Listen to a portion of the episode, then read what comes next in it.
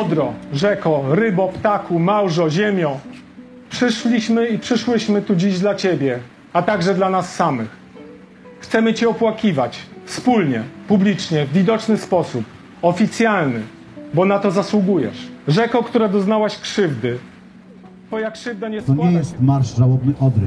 To jest marsz żałobny starych idei, tego całego starego myślenia, które zawiodło nas do pustych rzek, które zawiodło nas do brudnych rzek i do tego, że nie możemy czuć się bezpiecznie. Zatrucie Odry to największa klęska ekologiczna od lat. Nie wiadomo, ile czasu rzeka i jej otoczenie będą się teraz z tego podnosić. Katastrofa obnażyła słabość państwa i systemów odpowiedzialnych za monitorowanie oraz za bezpieczeństwo polskich wód. Choć od pierwszych informacji o setkach martwych ryb w Odrze minął już prawie miesiąc, to wciąż w tej sprawie mamy więcej pytań niż odpowiedzi. W dzisiejszym odcinku podcastu chciałabym dać przestrzeń aktywistom, wstrząśniętym tak jak my wszyscy skalą zniszczeń, oraz ekspertom od ochrony i odtwarzania ekosystemów wodnych. Wspólnie chciałabym poszukać odpowiedzi na pytanie nie tylko o to, jak dziś możemy pomóc martwej Odrze, jak się o nią zatroszczyć, ale jak zadbać o inne rzeki i jeziora oraz czy potrafimy zapobiec podobnym tragediom w przyszłości. Nazywam się Barbara Sowa i zapraszam do wysłuchania 26 odcinka podcastu Jak naprawić przyszłość.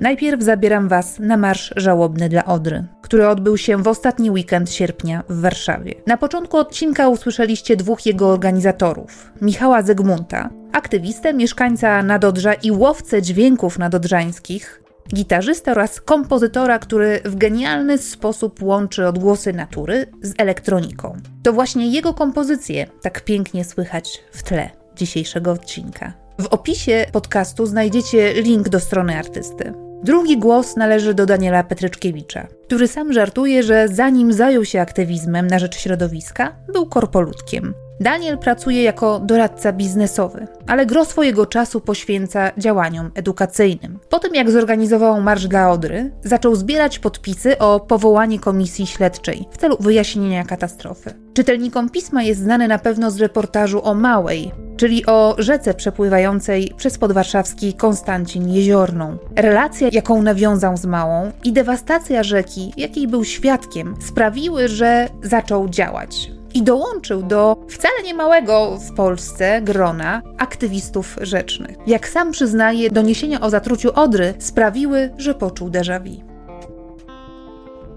No naprawdę miałem déjà vu z Czernobyla. W sensie takim, że stoi gość, przedstawiciel władzy i mówi, nic się nie dzieje, wszystko spokojnie, to tylko kilka ryb, w ogóle o co wy robicie tą panikę, normalnie jest. Jedźcie nad rzekę, idźcie się wykąpać. No po prostu Rozumiesz, miałem jak żywo przed oczami tą scenę z tego serialu, filmu Czernobyl, serialu, gdzie ta, ta jedna z tych bohaterek mówi, chodźmy na most, tam jest bardzo dobry widok na, na tą elektrownię, która wybuchła. No po prostu miałem to, wiesz, jak, jakoś przed oczami w ogóle. Na początku nie? marszu Daniel przeczytał list do Odry i jej mieszkańców, napisany przez Karolinę Kuszlewicz, adwokatkę i działaczkę na rzecz ochrony praw zwierząt. Całość tego listu znajdziecie w opisie odcinka. Jej słowa mają szczególny charakter, podobnie jak marsz, na którym ten list odczytano. Jego uczestnicy szli w milczeniu, bez haseł, okrzyków. Na czele szła orkiestra żałobna i tancerki z grupy wachlarzy bojowych, które przykuwały wzrok czarnymi sukniami najłatwiej byłoby pójść i wykrzyczeć tym ludziom, których uważamy winnych za to, żeby spieprzali w podskokach, nie używając wulgaryzmów, tak jak to zrobiliśmy ileś razy. I ja nie, nie mówię, że to źle, że tak zrobiliśmy. Broń Boże. E, czy broń Bobrze. Pójdziemy i zrobimy coś innego niż by się wydawało, że instynktownie trzeba zrobić. Pójdziemy i po prostu zamilkniemy. Do mnie to, to mocno trafiło, że że właśnie możemy na przekór temu wszystkiemu, temu zgiełkowi, powinniśmy zamilknąć i zastanowić się chwilę nad tym, że tam zginą istoty, nie? które w ogóle nas nie pytały o zdanie, czy one chcą zginąć, czy nie chcą, czy jakby jakie my mamy prawo do tego, żeby decydować o tym, nie? Cecylia Malik, artystka, działaczka ekologiczna, edukatorka związana z kolektywem Siostry Rzeki, powiedziała mi w czasie marszu, że liczy na to, że katastrofa będzie miała paradoksalnie pozytywne konsekwencje, że pójdziemy po rozum do głowy. Spotykamy się tylko na protestach dla tych rzek, bo cały czas coś się złego dzieje. Chcą budować zapory, wyciągają jakiś stary projekt albo wylewają oczyszczalnie ścieków do wody. E, Może już jesteśmy blisko dna, od którego się odbijemy i zrozumiemy, że e, ochrona środowiska to nie jest jakiś luksus. To powinna być rzecz absolutnie priorytetowa, jeśli chcemy przetrwać tutaj na tej ziemi. Powinni- Powinniśmy poczuć po prostu, że to jest najważniejsze. To jest nam potrzebne do naszego przetrwania, że ta woda, no mało kto myśli, ale jednak e, nawet z Wisły wody, wo, bierze się wodę do picia. To jest słodka woda, którą można pić i której będzie coraz mniej. Coraz więcej miejscowości ma, ma mm, ograniczony dostęp do wody, bo zaczyna tej wody po prostu brakować. I takie jakie niżówki były w tamtym roku przez tydzień, w tym roku są przez trzy miesiące. Byłam teraz na Wiśle, gdzie szkutnik powiedział Cecylia, taka woda niska była tydzień w tamtym roku, w tym roku już jest trzy miesiące taka.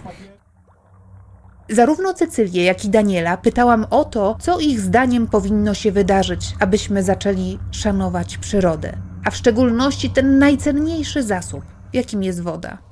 Tak długo, jak my nie przyjmiemy z powrotem, bo wydaje mi się, że trzeba tak powiedzieć, z powrotem podmiotowości przyrody i istot, które tam żyją więcej niż ludzkich, tak długo to wszystko będzie postawione na głowie, bo tak długo my będziemy mówić o tonach ryb, o utraconych przychodach z turystyki, z rybołówstwa, z czegoś tam jeszcze, nie patrząc w ogóle na to, co tam się naprawdę wydarzyło. A tam się wydarzyła tragedia, nie? Tam się wydarzyło ekobójstwo.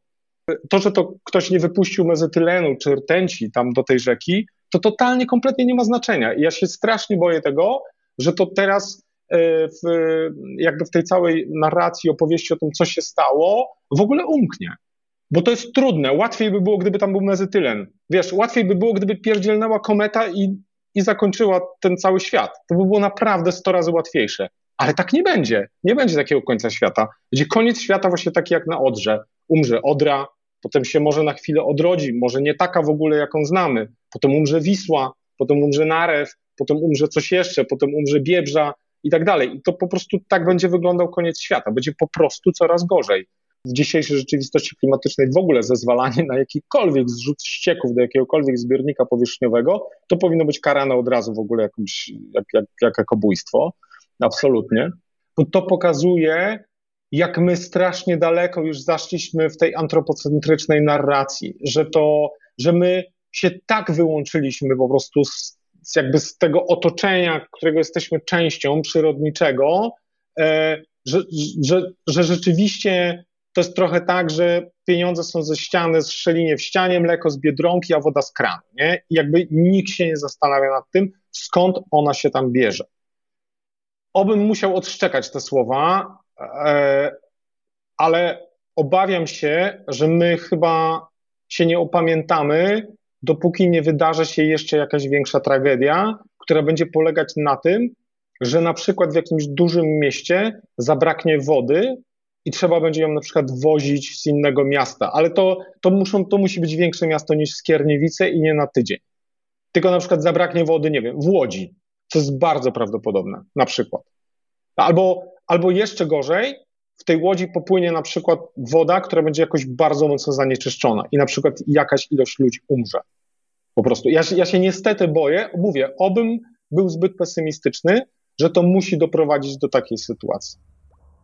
Większość aktywistów w trosce o rzeki i jej mieszkańców postuluje maksymalne ograniczenie ludzkich ingerencji w ekosystem, odejście od przestarzałych koncepcji ujarzmiania rzek przez człowieka, prostowania, betonowania, budowania tam i szlaków żeglownych na rzecz renaturyzacji. Co to takiego? Opowiedzą o tym naukowcy, którym oddaję głos w dalszej części podcastu ale najpierw chciałabym spróbować podsumować, co dziś, a nagrywam dla Was ten odcinek w ostatnich dniach sierpnia, wiemy o przyczynach katastrofy. Jaką lekcję powinniśmy z tego wyciągnąć?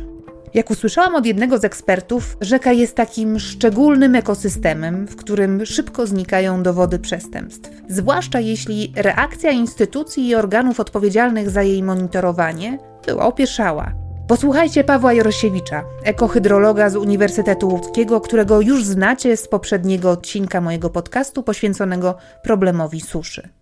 No, na pewno im więcej czasu upływa, tym mniejsze szanse na to, abyśmy z pełną precyzją stwierdzili, jaka była bezpośrednia przyczyna tego gwałtownego pogorszenia się e, warunków do życia dla ryb i innych organizmów w Odrze, w wyniku którego doszło do tej katastrofy. Taka najbardziej prawdopodobna hipoteza, bo to jeszcze nie jest do końca wszystko e, potwierdzone, jest taka, że Zacznijmy od tego, że Odra i tak jest rzeką mocno zanieczyszczoną. Jest to rzeka mocno przekształcona przez człowieka, więc posiada niski potencjał do samooczyszczania, do usuwania zanieczyszczeń.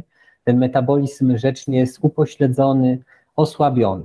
Zlewnia rzeki jest industrialna, przemysłowa. E, jeśli chodzi o ilość mieszkańców na kilometr kwadratowy, to jest ich znacznie więcej niż w przypadku na przykład Wisły.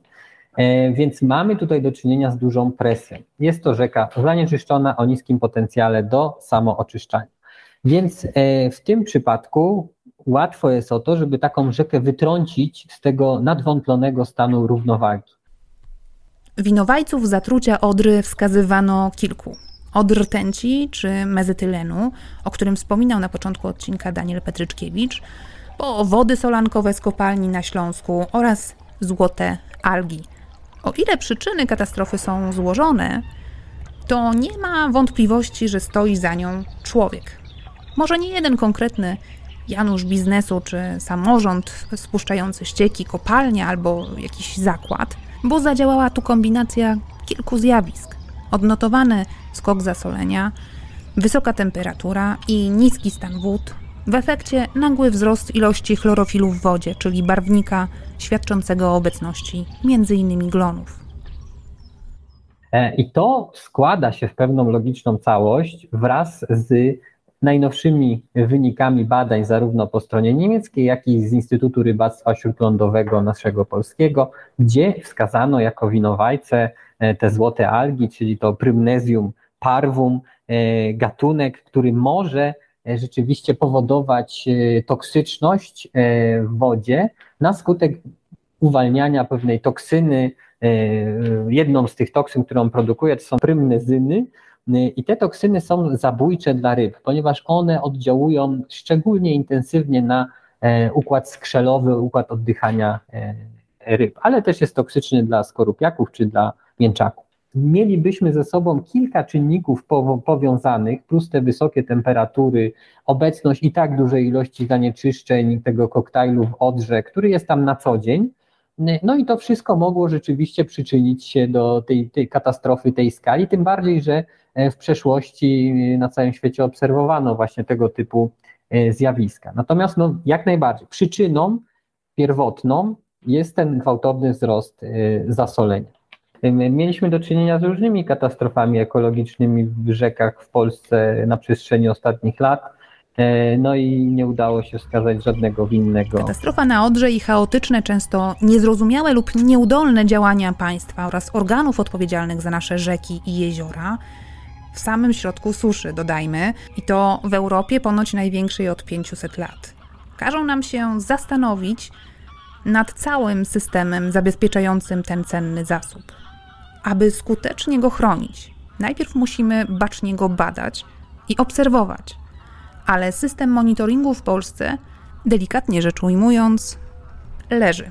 Jak tłumaczy Paweł Jarosiewicz, badamy za mało i nieefektywnie. Nasz system monitoringu tych substancji toksycznych jest niestety niewydolny.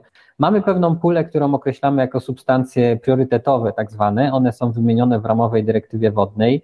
Jest to nieco ponad 40 związków. Do tego dochodzi jeszcze kilka związków e, w ramach e, tak zwanej watch listy, czyli takich będących obecnie na tapecie, ale jeszcze nie w pełni e, sklasyfikowanych jako te do monitoringu.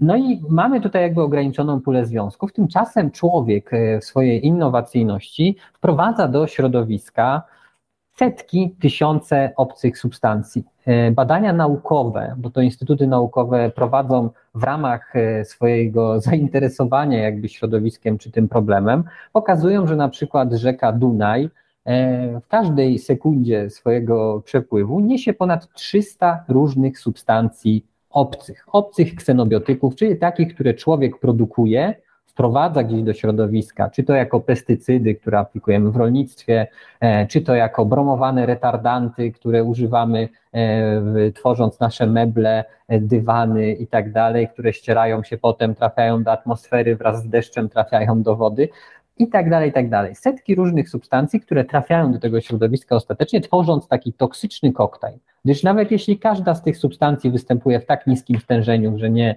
przekracza pewnej bariery e, toksyczności, no to jak już sumujemy te 300 substancji ze sobą, to mamy koktajl, który okazuje się śmiertelny lub koktajl, który w perspektywie 5-10 lat ciągłej obecności w wodzie i ciągłego narażenia niektórych organizmów, ale też nas ludzi, bo przecież korzystamy z tych zasobów e, środowiska, powoduje na przykład upośledzenie zmiany w naszym DNA, czy w DNA zwierzęcym. I to w kolejnych pokoleniach może się ujawniać jako pewnego rodzaju y, degradację, deformacji. Po prostu już my nawet nie wiemy, jak te zanieczyszczenia, te koktajle substancji, każda inaczej oddziałuje na układy zwierzęce, w mieszaninie, to jest w ogóle zagadka, jak one oddziałują. Takich badań się nie prowadzi. Nowe związki dopuszcza się na rynek na podstawie kilku archaicznych metod, gdzie się określa ich toksyczność, a nie sprawdza się na przykład, że y, te pestycydy będą występowały razem z antybiotykami, razem z lekami niesteroidowymi, E, i wieloma innymi antydepresantami, narkotykami, kofeiną,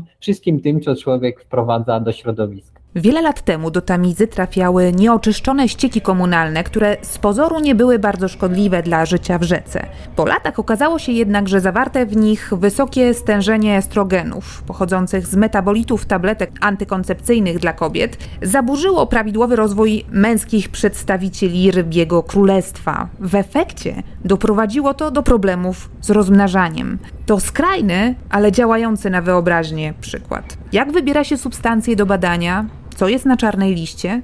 I są na tej liście liczne substancje. Ja akurat się zajmuję szczególnie pestycydami. Wśród 23 pestycydów, które są na tej liście, żaden nie jest już dopuszczony do stosowania w Unii Europejskiej, bo są po prostu toksyczne.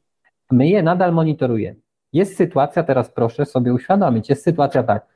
Nasze wiosie jeżdżą w teren, pobierają próbki, szukają pestycydów, których rolnicy nie aplikują w tej zlewni, bo nie mogą, nie ma ich na rynku. Więc czego my szukamy?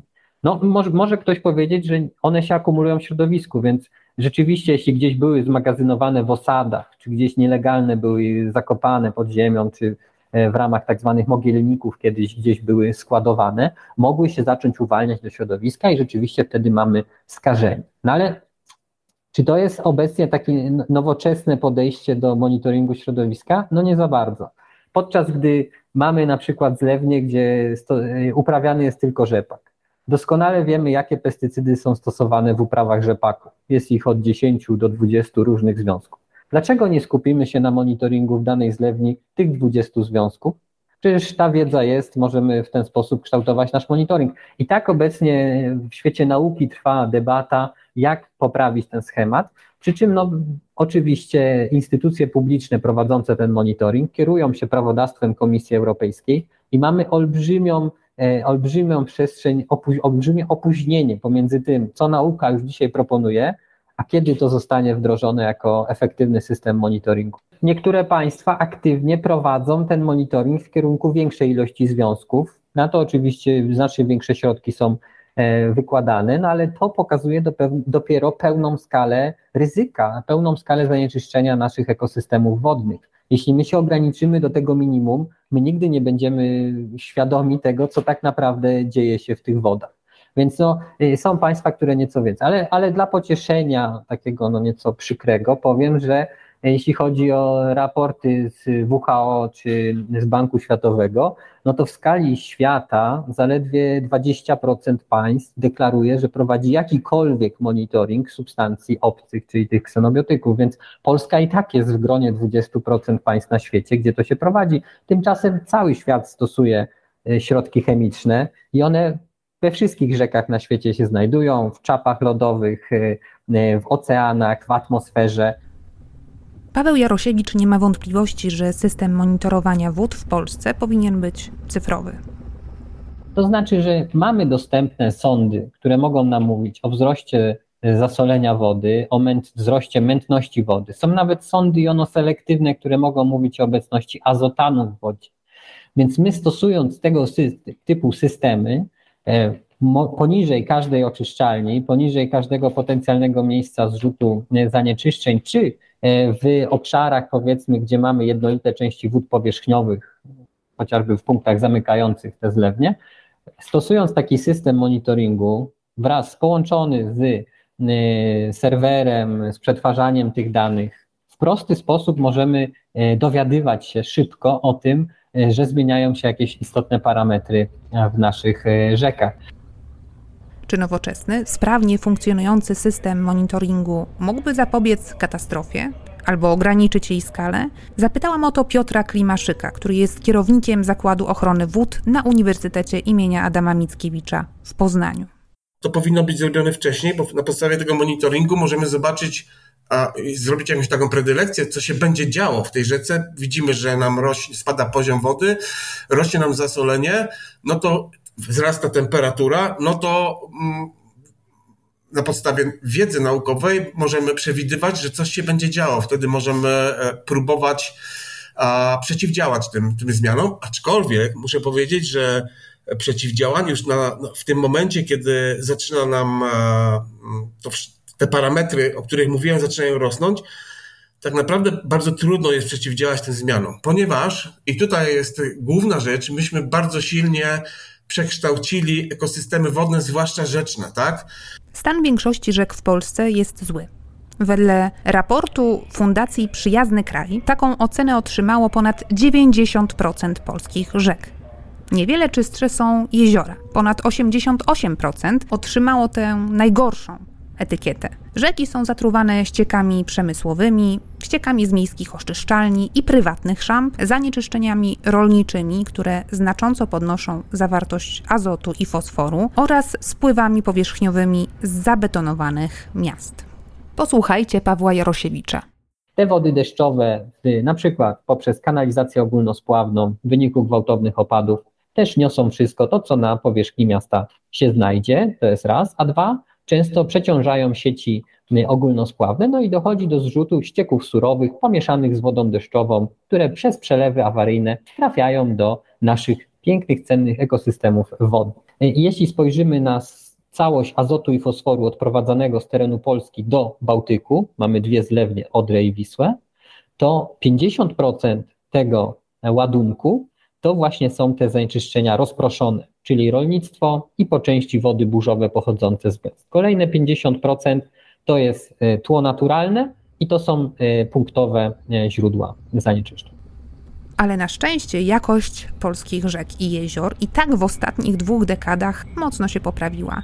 Między innymi dzięki inwestycjom w oczyszczalnie ścieków, w czym oczywiście pomogła nam Bruksela – w ramach samego tylko programu operacyjnego Infrastruktura i Środowisko na lata 2007-2013 na inwestycje w gospodarkę wodno-ściekową wydano ponad 2,9 miliarda euro unijnych środków, a w latach 2014-2020 prawie 2 miliardy euro. Z danych wynika, że mamy w kraju ponad 2 miliony szamp. Jest to problem sam w sobie, bo szacuje się, że zdecydowana większość z nich jest nieszczelna. Często dochodzi w nich do awarii, często ten zrzut ścieków surowych musi się pokazać, a jak wiemy w Polsce do awarii dochodzi nawet w tych największych, najlepiej doinwestowanych, zarządzanych przez najbardziej wyspecjalizowaną kadrę oczyszczalniach, czego przykładem była Czajka e, dosyć niedawno. Więc te awarie cały czas się zdarzają i te ścieki trafiają do środowiska często w formie nieoczyszczonej w żaden sposób. Klimaszyk wskazuje też na jeszcze inny problem – bardzo często jest tak, że w jakiejś tam gminie czy w jakimś obszarze projektujemy oczyszczalnię ścieków. Każda oczyszczalnia ścieków jest projektowana na jakieś obciążenie. Jak ona jest, jak kolokwialnie mówiąc, może obsłużyć jakąś ilość ścieków, tak? Podczyścić czy doczyścić jakąś ilość ścieków.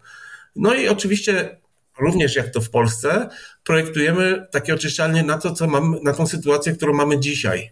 Po czym e, władze tego obszaru przeznaczają pod budownictwo, zwłaszcza w e, terenach takich przy, przy dużych miastach, tak, w okolicznych gminach, przeznaczają na budownictwo jednorodzinne, nagle nam populacja tej gminy rośnie o 30%, a oczyszczalnia, no i oczywiście ilość ścieków zrzucanych rośnie nam o 30%, no oczyszczalnia nie jest w stanie tego w jakichś takich pikach, e, maksymalnych momentach tego oczyścić, no więc ścieki, znaczy te, te, te podczyszczone ścieki są mniej podczyszczone, i to generuje y, problemy, tak? I to tutaj pod Poznaniem w Jeziorze Kierskim też mieliśmy taki moment, że e, z jednej z e, gmin otaczających, e, no właśnie była taka sytuacja, zaczęły dopływać słabo oczyszczone ścieki. Jezioro na to oczywiście bardzo silnie zareagowało. No, no władze mówią, no co my możemy zrobić, tak już jest. Trzeba myśleć trochę do przodu, tak? Jeżeli chcemy przeznaczyć, chcemy zwiększyć populację naszej gminy, to zanim to zrobimy, zastanówmy się, jak możemy e, ograniczyć oddziaływanie.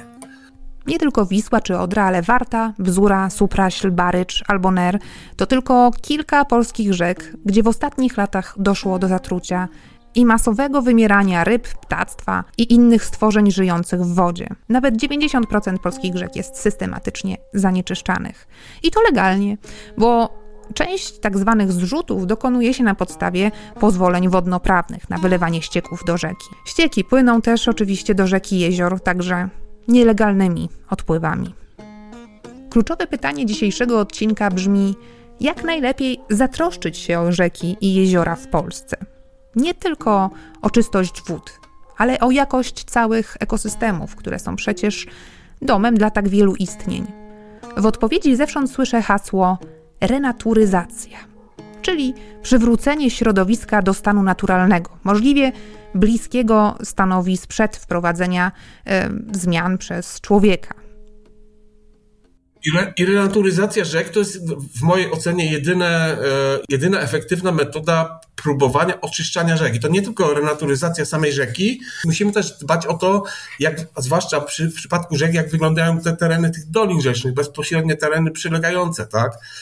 My dzisiaj ludzie próbują się mieszkać jak najbliżej wody, jak najbliżej rzek, zaczynają zasiedlać te tereny e, przyrzeczne, doliny zalewowe były.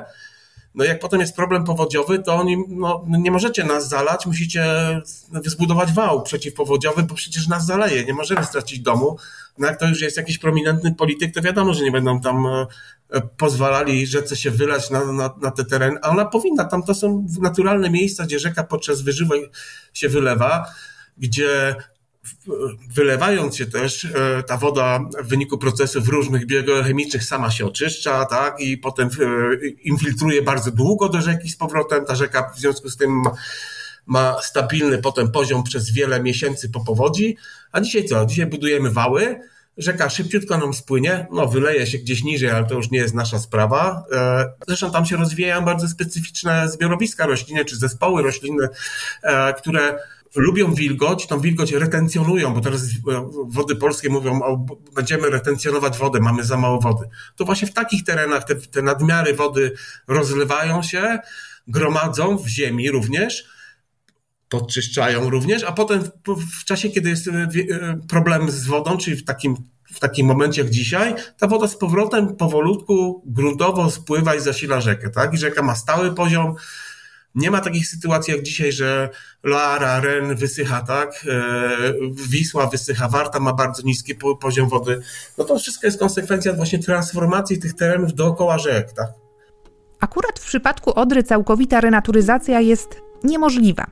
Za bardzo przekształciliśmy tę rzekę, ale to nie znaczy, że jesteśmy zupełnie bezsilni. Jednak wizje naukowców i ekologów rozmijają się z rządowymi planami wobec Odry i Wisły. Dwie największe rzeki w Polsce mają być włączone do sieci międzynarodowych dróg wodnych. Inwestycje żeglugowe opiewają na gigantyczne kwoty.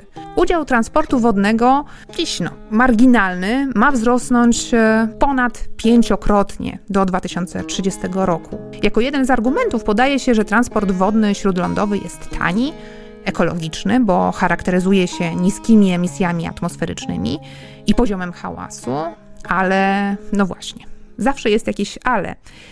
Naukowcy przekonują, że wizje rozwoju żeglugi śródlądowej są nie tylko mało realne, ale mogą być bardzo szkodliwe. Posłuchaj Piotra Klimaszyka.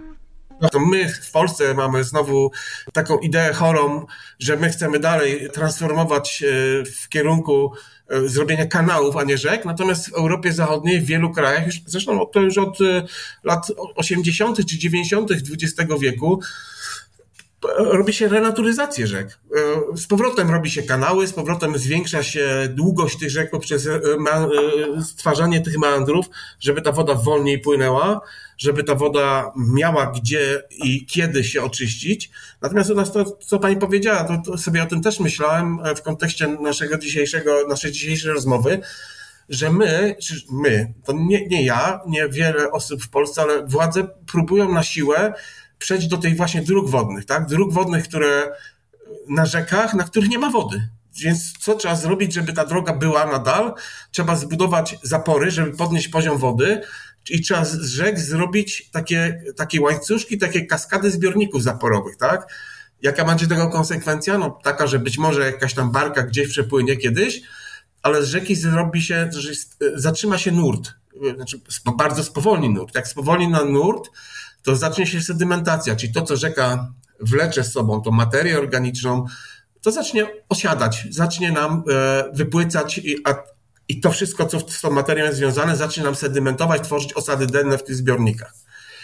Oprócz tego to zatrzymywanie, zatrzymanie nurtu wody spowoduje zakwit fitoplanktonu, bo glony nie bardzo lubią e, e, prąd wody i one nie kwitną w rzekach. Oczywiście zdarza się w tych rzekach, w tych odcinkach, gdzie woda już jest spokojna, gdzie wolniej płynie, zdarzają się zakwity, ale zdecydowanie mniejsze i innych gatunków niż e, w zbiornikach stagnujących.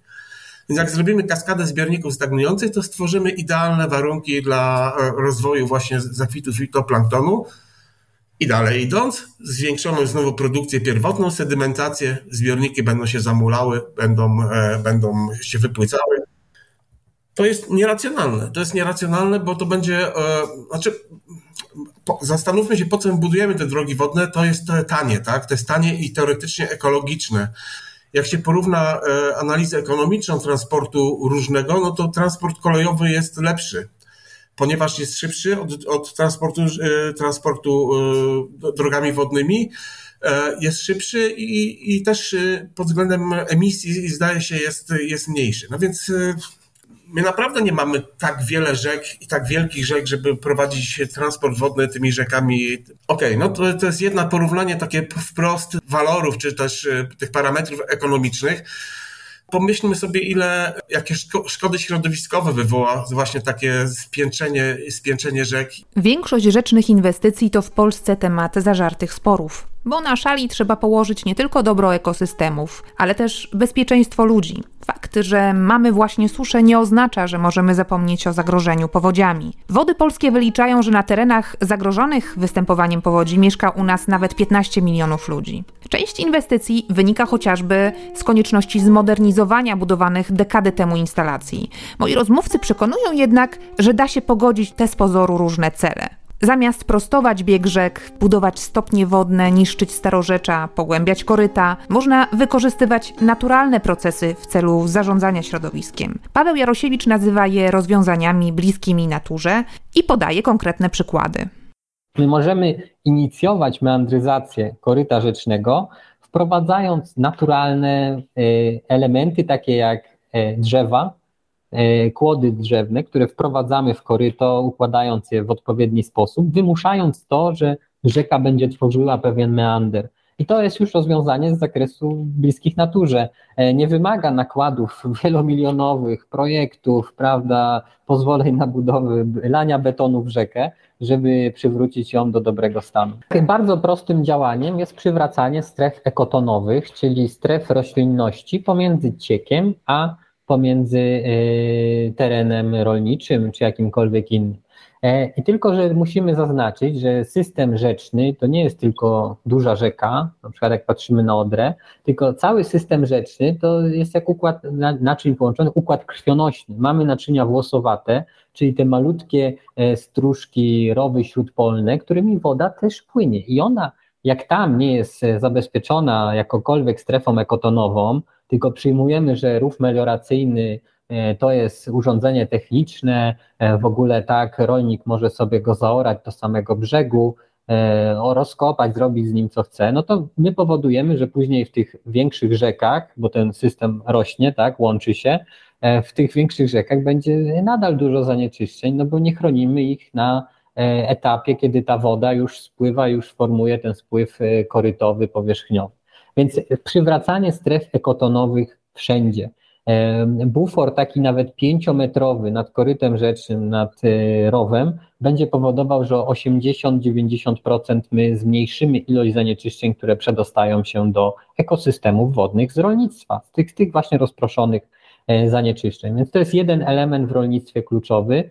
Y, inne to oczywiście strefy buforowe śródpolne, które redukują prędkość wiatru, powodują, że mniej się gleba przesusza, przywracanie materii organicznej glebom rolniczym, których mamy w Polsce bardzo mało e, tej materii organicznej, a ona retencjonuje wodę w glebie, więc dzięki temu spowalniamy znowu odpływ. Im woda dłużej w krajobrazie, tym się Mhm. lepiej podczyszcza, no i oczywiście jesteśmy lepiej zaadoptowani do suszy.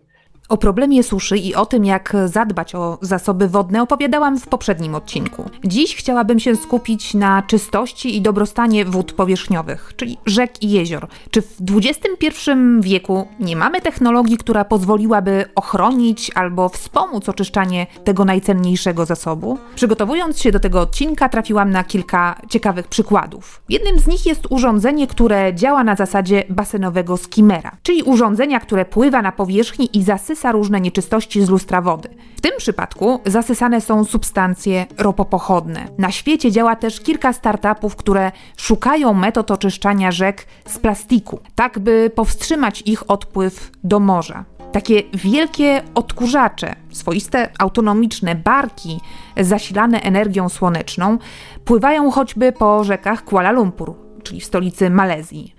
Pracują 24 godziny na dobę, wydobywając z rzeki śmieci. Właściciel jednego z takich projektów, czyli fundacja The Ocean Cleanup, chwali się, że taki odkurzacz jest w stanie zebrać ponad 50 ton odpadów z rzeki i z jej dna każdego dnia. Na podobnej zasadzie działają metalowe siatki filtrujące śmieci, tyle że punktowo, bo łączą brzegi rzeki i zatrzymują zalew plastiku przed dalszą podróżą do morza. Zakładam jednak, że to rozwiązanie dla rzek martwych, gdzie oprócz butelek typu PET nie ma już ryb, które mogłyby się w takie metalowe sieci zaplątać.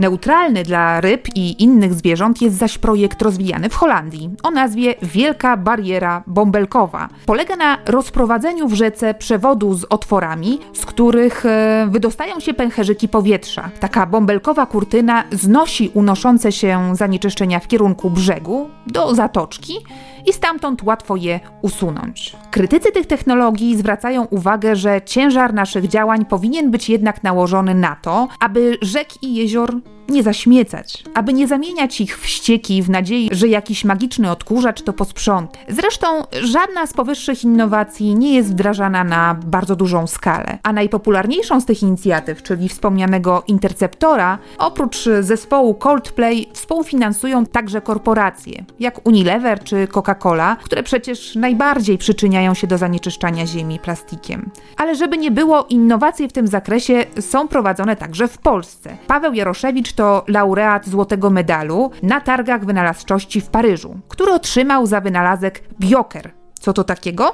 powstał lekki materiał, lekki preparat, małe kuleczki, byśmy takie opisowo e, nazwali, e, które są pokryte różnymi składnikami, na przykład na bazie wapnia, stosujemy naturalne skały kalcyty, które wychwytują fosforany z wody. Kiedy one się nasączą odpowiednio już tym fosforem, można je wyjąć i odzyskać ten fosfor w, w, celach nawozowych. E, Idea była taka, żeby zanieczyszczenia fosforu, które pojawiają się w wodzie, czy to z rolnictwa, czy właśnie z takich e, oczyszczalni nie do końca dobrze działających, e, usuwać z wody, a następnie móc ten fosfor wykorzystać jako cenny składnik nawozowy. Historia z fosforem jest taka, że w przeciągu 50-40 lat skończą nam się kopalne zasoby fosforu. Kopalne zasoby fosforu obecnie stanowią podstawę fosforu mineralnego stosowanego w rolnictwie. Więc za 50 lat obudzimy się w realiach, gdzie nie będziemy mieli fosforu dla rolnictwa. Więc no, proszę sobie wyobrazić konsekwencje. E, No i idea moja była taka i profesora Zalewskiego, który jest współtwórcą tego e, patentu, aby y, zrobić to samo, tylko w tych naszych właśnie systemach doczyszczających wodę, w tych ekohydrologicznych rozwiązaniach bliskich naturze. Y, obecnie wygląda to całkiem obiecująco. Na razie technologia jest dopracowana pod względem usuwania, a pod względem ponownego wprowadzania pracuję nad tym razem z zespołami z y, Rzymu, z takiego Instytutu Wodnego, wspierają mnie w tym, no i próbujemy dopracować też ten element. Mój rozmówca opowiada też o arcyciekawym systemie sedymentacyjno-biofiltracyjnym, ów bardzo, bardzo trudne słowo, który jako pierwszy stworzono w Łodzi, na rzece Sokołówce. Jak to działa? Co to takiego? Choć nazwa brzmi nieco skomplikowanie, to jednak są one e, stosunkowo tanie i wydajne do usuwania zanieczyszczeń. To są systemy, które łączą ze sobą takie procesy jak na przykład sedymentacja, więc opadanie cięższych cząsteczek e, na dno, wykorzystują procesy naturalnej adsorpcji, czyli przyczepiania się pewnych zanieczyszczeń do powierzchni.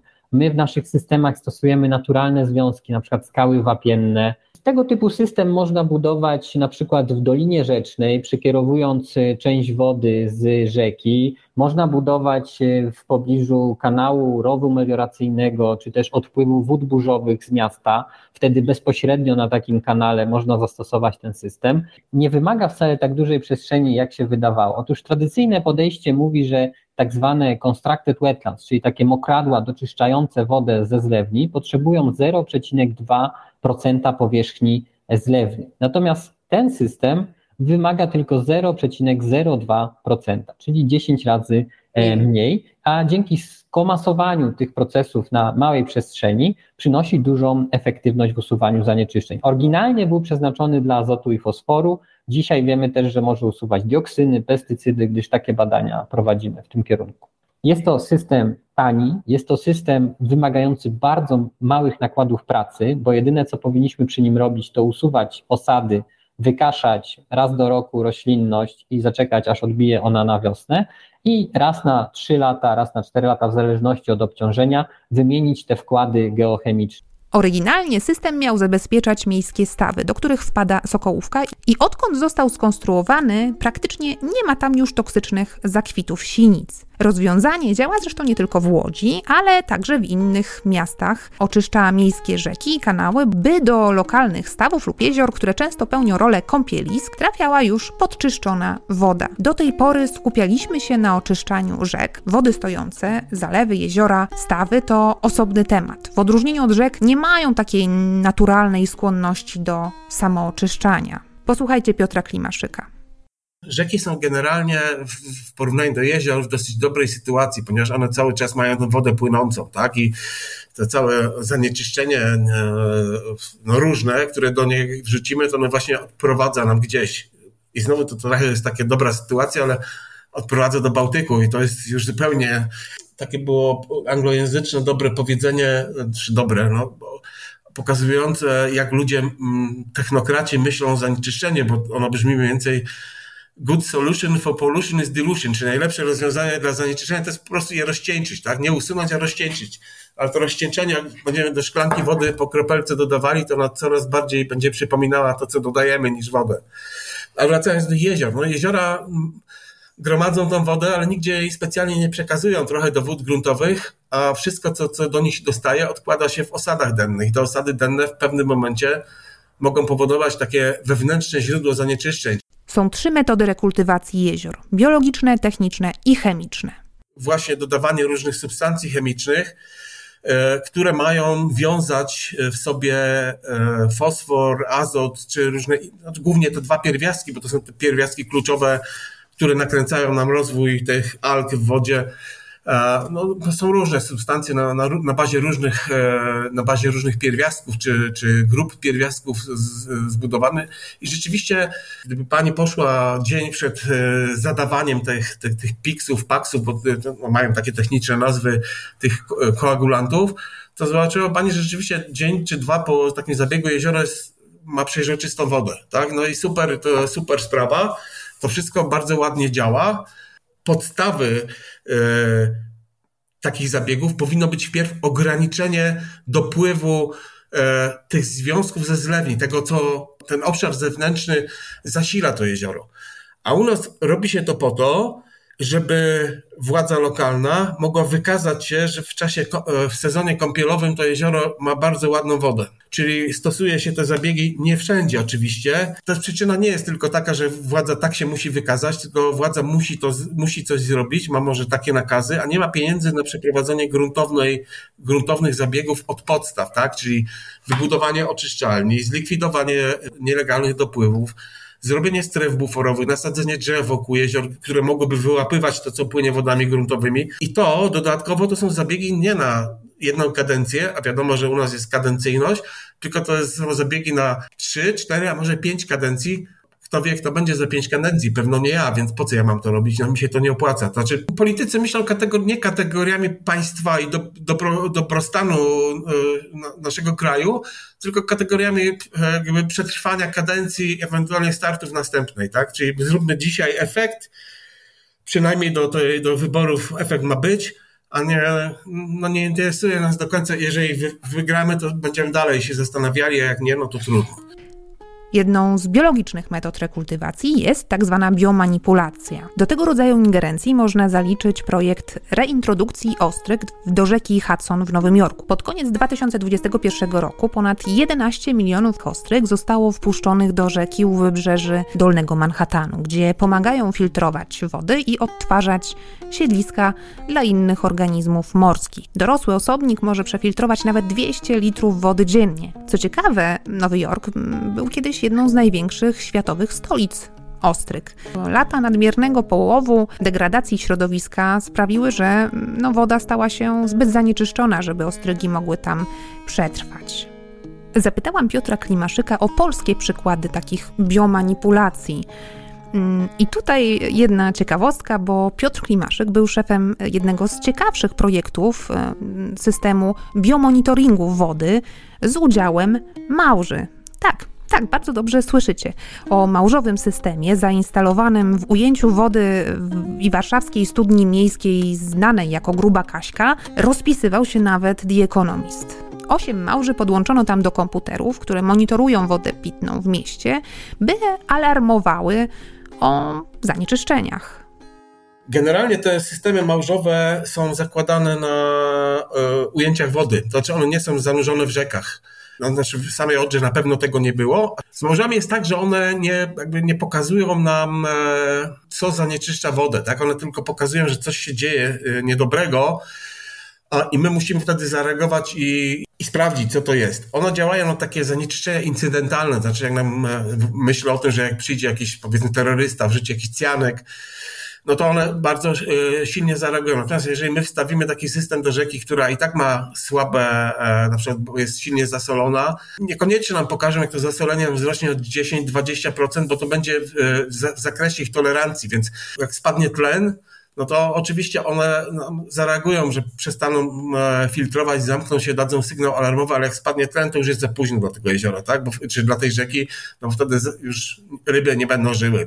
Generalnie na świecie mamy problem z małżami. Generalnie widzimy e, zmniejszanie się liczebności populacji małży, bo one też nie lubią bardzo e, raz, że zanieczyszczeń, a dwa, wysokiej temperatury. One gdzieś spróbują uciekać tam, bo jak się jezioro nagrzeje na powierzchni, próbują zejść gdzieś trochę głębiej. Jak na, w głębszych partiach wody są deficyty tlenowe, to one po prostu zdychają. I na całym świecie widzimy zdecydowanie się, zdecydowane kurczenie się populacji małży, zwłaszcza tych dużych małży, bo rodziny skójkowatych, szczerzuja czy skójka, no generalnie jest coraz mniej. Małże, e, o czym może nie wszyscy wiedzą, także ucierpiały w Odrze a każdy z tych mięczaków filtruje około 40 litrów wody dziennie. Ich istnienie ma więc ogromne znaczenie dla jej jakości i elastyczności ekosystemu. To nie tylko małże oczyszczają. Ekosystem wodny działa bardzo dobrze sam. Przez miliony lat ewolucji wykształciły się takie powiązania, że jezioro sobie daje radę, jeziora generalnie dają sobie radę z tym, co do nich dopływa, tak? No, małże to filtr są filtratorami e, peryfitą, czyli takie organizmy poroślowe, które występują na kamieniach, czy na tym wszystkim, co na dnie jest. One bardzo różnie, równie bardzo dobrze filtrują roślinność brzegowa, te stref, ta roślinność, to taka bagienna, czy ta, ta taka podmokła, genialnie sobie radzi z azotem, z, z zawiesinami. To, to wszystko system naturalny działa, on jest dobry, tylko że my po prostu zwiększamy o, o, tyle, te, o tyle te ładunki, że, że robi się problem. Jedną z tych, z tych metod jest tak zwana e, biomanipulacja, czyli e, a tak naukowo mówiąc oddziaływanie na, w, łańcuchach, e, w łańcuchach troficznych czy w łańcuchach pokarmowych w jeziorze. Generalnie nie chcemy mieć w jeziorze zakwitów glonów, tak? Jak mamy takie te zielone zupy, to, to, jest, to, jest taki, to jest tylko objaw, co prawda, ale taki najbardziej niekorzystny, jak jeszcze to są sinice, które pro, produkują toksyny, no to już jest bardzo niebezpieczne, więc tego nie chcemy mieć. Co ta biomanipulacja każe nam robić, żeby tego nie mieć? E, te glony są bardzo chętnie zjadane przez zooplankton duży. Takie dafnie, to akwaryści wiedzą, co to dafnia, czy co to rozwielitka, bo czasami to kupują, czy też hodują. Więc gdyby było w jeziorze dużo dafni, to by tego fitoplanktonu nie było. Dlaczego nie ma w jeziorze dafni? Bo jest bardzo dużo ryb, zwłaszcza tych ryb niedrapieżnych tak zwanych. One się, one to jak widzą dużą dafnię w wodzie, to pierwszą ją jedzą, bo ona jest duża, jest smaczna. Czy jak mamy dużo ryb niedrapieżnych, to nie ma dafni. Jak nie ma dafni, to jest dużo fitoplanktonu. I teraz ta zasada biomanipulacji miała polegać na tym, że wpuszczamy do e, jeziora bardzo dużo drapieżników, albo inaczej dbamy o to, żeby ta populacja tych ryb drapieżnych, szczupaka, sandacza była duża. Jak jest ich dużo, to one teoretycznie mają zjadać nam te ryby niedrapieżne, jak spada liczba ryb niedrapieżnych, wzrasta liczba e, zooplanktonu, spada liczba fitoplanktonu, czyli tego zakwitu. Rzeczywiście było parę takich eksperymentów, gdzie zwiększono tak liczebność drapieżników, że ta liczba niedrapieżnych spadła, zooplankton rozwinął się, zniknął fitoplankton. Ale jak wygląda to bardzo często w praktyce? No tak wygląda, że e, wpisują e, odpowiednie urzędy na papierze, że robią biomanipulację, wpuszczają ryby drapieżne, po czym e, wzrasta presja wędkarska, albo jednocześnie zaczynają odławiać te ryby, tak? bo mają brygadę rybacką i, i ciuch. I czyli na papierze wpuściliśmy, zanim one, czy albo jak one podrosły po roku i są już taką rybą e, towarową, konsumpcyjną czy handlową, no to je odławiamy, bo no, przecież czegoś trzeba żyć. I tak ta biomanipulacja bardzo często wygląda. Albo ludzie przychodzą, wędkują, wyłapują. Trzeba jednak pamiętać, że ingerencja musi być starannie zaplanowana i przemyślana. Historia zna wiele przypadków ludzkich ingerencji w ekosystemy i fatalnych decyzji, które nawet e, gdy były działaniem w dobrej wierze, skończyły się katastrofą, bo wyregulowana przyroda zareagowała w nieprzewidziany dla inżynierów sposób. Pisze o nich Elizabeth Colbert w książce zatytułowanej Białe Niebo. Jednym z przykładów jest inwazja chińskiego karpia, którego początkowo sprowadzono w latach 60. do Stanów Zjednoczonych jako sposób na oczyszczanie jezior i stawów właśnie. Kiedy ludzie spieli rzeki w system naczyń połączonych, żeby poprawić jakość wody w rzece Chicago, karpie wymknęły się z tych zbiorników, tych eksperymentalnych zbiorników, które miały oczyszczać, błyskawicznie się rozprzestrzeniły i zaczęły niszczyć rodzime ekosystemy. Ten przykład doskonale pokazuje, że wobec wszystkich pomysłów ingerencji w naturę powinniśmy być głęboko sceptyczni, brać pod uwagę wszystkie ewentualne skutki uboczne. Najbardziej przemawiają do mnie wszelkie projekty prowadzące do zmniejszania antropopresji, tworzenia stref wolnych od betonozy, zabudowań zrzutów ścieków, słowem wolnych od człowieka. Domek nad rzeką, działka nad jeziorem, no może warto z tych marzeń zrezygnować. Na początek podpisuje się pod pomysłem powołania nowego Parku Narodowego Doliny Dolnej Odry. Ten położony na Pomorzu Zachodnim obszar rozciąga się od Cedyni aż po ujście Odry do Roztoki Odrzańskiej, najdalej na południe wysuniętej części Zalewu Szczecińskiego. A na koniec chciałabym Wam polecić film dokumentalny pokazywany w ramach festiwalu Millennium Dogs Against Gravity, zatytułowany Rzeki w reżyserii Jennifer Pidom. To muzyczno-wizualna uczta spojrzenie z lotu ptaka na związek ludzkości z rzekami i jednocześnie ostrzeżenie przed naszą niszczycielską siłą. Pierwsze 15 osób, które napisze do mnie e, na adres barbara.sowa małpamagazynpismo.pl dostanie bezpłatne kody, które pozwolą Wam obejrzeć ten niezwykły dokument w domu. Na dzisiaj to już wszystko. Wysłuchaliście 26 odcinka podcastu Jak naprawić przyszłość.